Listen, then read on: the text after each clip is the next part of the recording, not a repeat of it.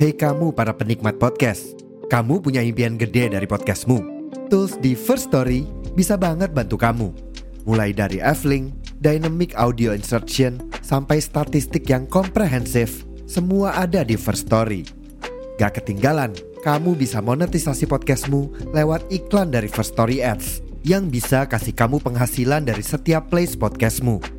Yuk gabung sekarang dengan klik di firststory.me.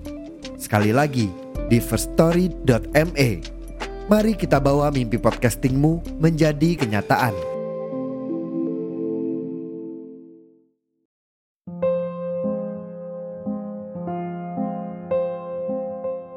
Beberapa waktu silam, aku mendapatkan kabar bahwa Agustusku ditutup dengan kabar bahagia. Ya, aku keterima PPG Prajabatan, beasiswa selama satu tahun yang aku harapkan. Sebelumnya, beasiswa itu sulit untuk aku dapatkan dan aku juga nggak membayangkan kalau aku bisa dapat itu.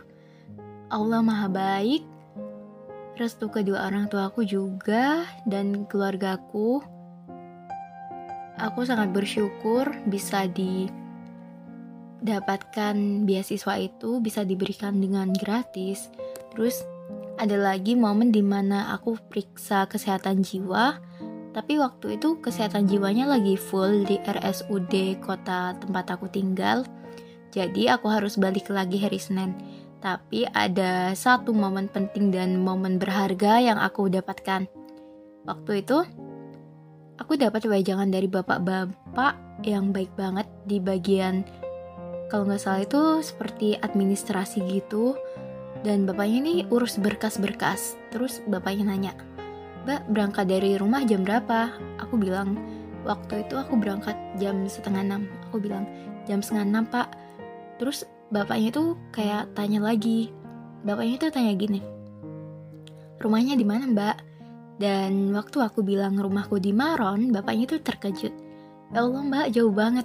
Lain kali kalau mau ke sini tuh kartunya saya ambilkan saja mbak dan situ aku benar-benar masya Allah ini baru pertama kali ketemu dan Allah dengan baiknya itu mengirimkan manusia-manusia baik yang turut serta dalam prosesku dan memudahkan aku untuk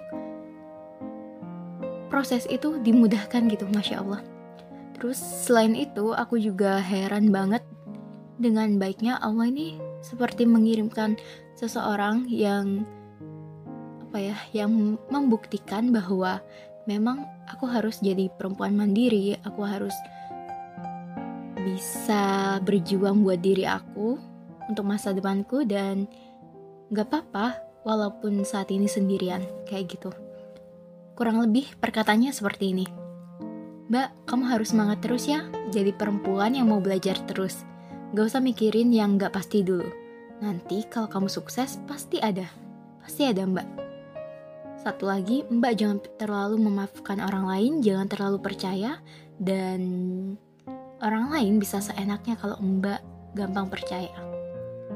Di situ aku baru sadar bahwa ternyata orang yang baru aja aku kenal bisa apa ya bisa mengetahui karakterku dan aku kaget banget terus aku mikir ya juga ya ini pertanyaan yang selalu aku tanyakan kayak kenapa ya kok di usiaku yang sudah menginjak 23 hampir 23 tahun tapi masih belum ada yang datang. Kayak sekedar tanya ada cerita apa? Ada, terus tanya gimana harinya?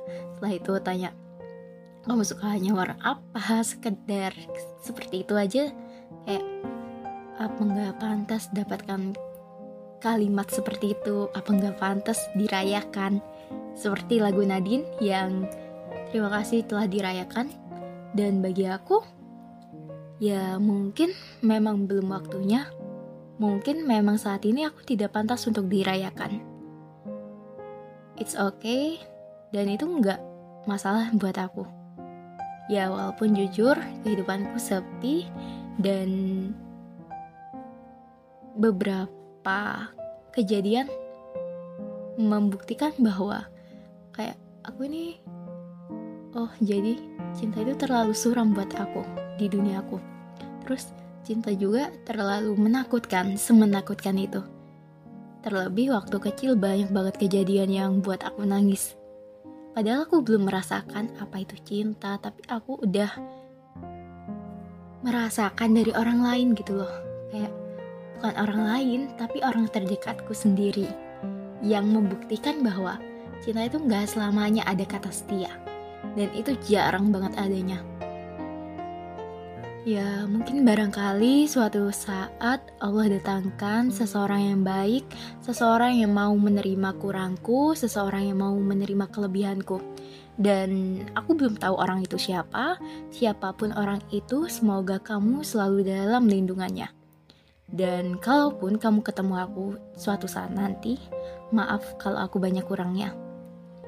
Begitu pula aku, aku bakalan menerima sepenuhnya yang ada di diri kamu dan kamu gak usah khawatir.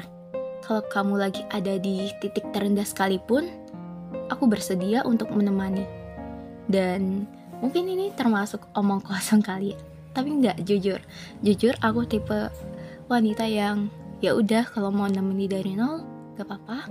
Terus uh, kalau misalkan kamu lihat seseorang dari rupa, maaf, aku mau mundur duluan karena aku ngerasa bahwa uh, aku nggak secantik orang lain, tapi aku punya cantik versiku yang bisa aku bentuk dari kebaikan-kebaikan itu.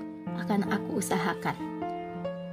Kalau kamu cari yang cantik, ya aku mundur karena aku ngerasa bahwa jujur itu selalu menjadi insecureku kayak kenapa aku nggak secantik orang lain? Kenapa aku nggak semancung orang lain? Tapi sekarang aku sadar bahwa kecantikan tidak hanya seputar itu. Kalaupun aku nggak punya hidung yang mancung nggak punya penilaian cantik menurut orang lain aku bisa membentuk kecantikan itu dengan ciri khas yang aku punya. Terus aku juga mikir bahwa dari percakapan bapak-bapak yang di RSUD itu, ada benarnya juga. Saat ini mungkin Allah belum mengirimkan orang untuk aku jatuhkan hati setiap harinya.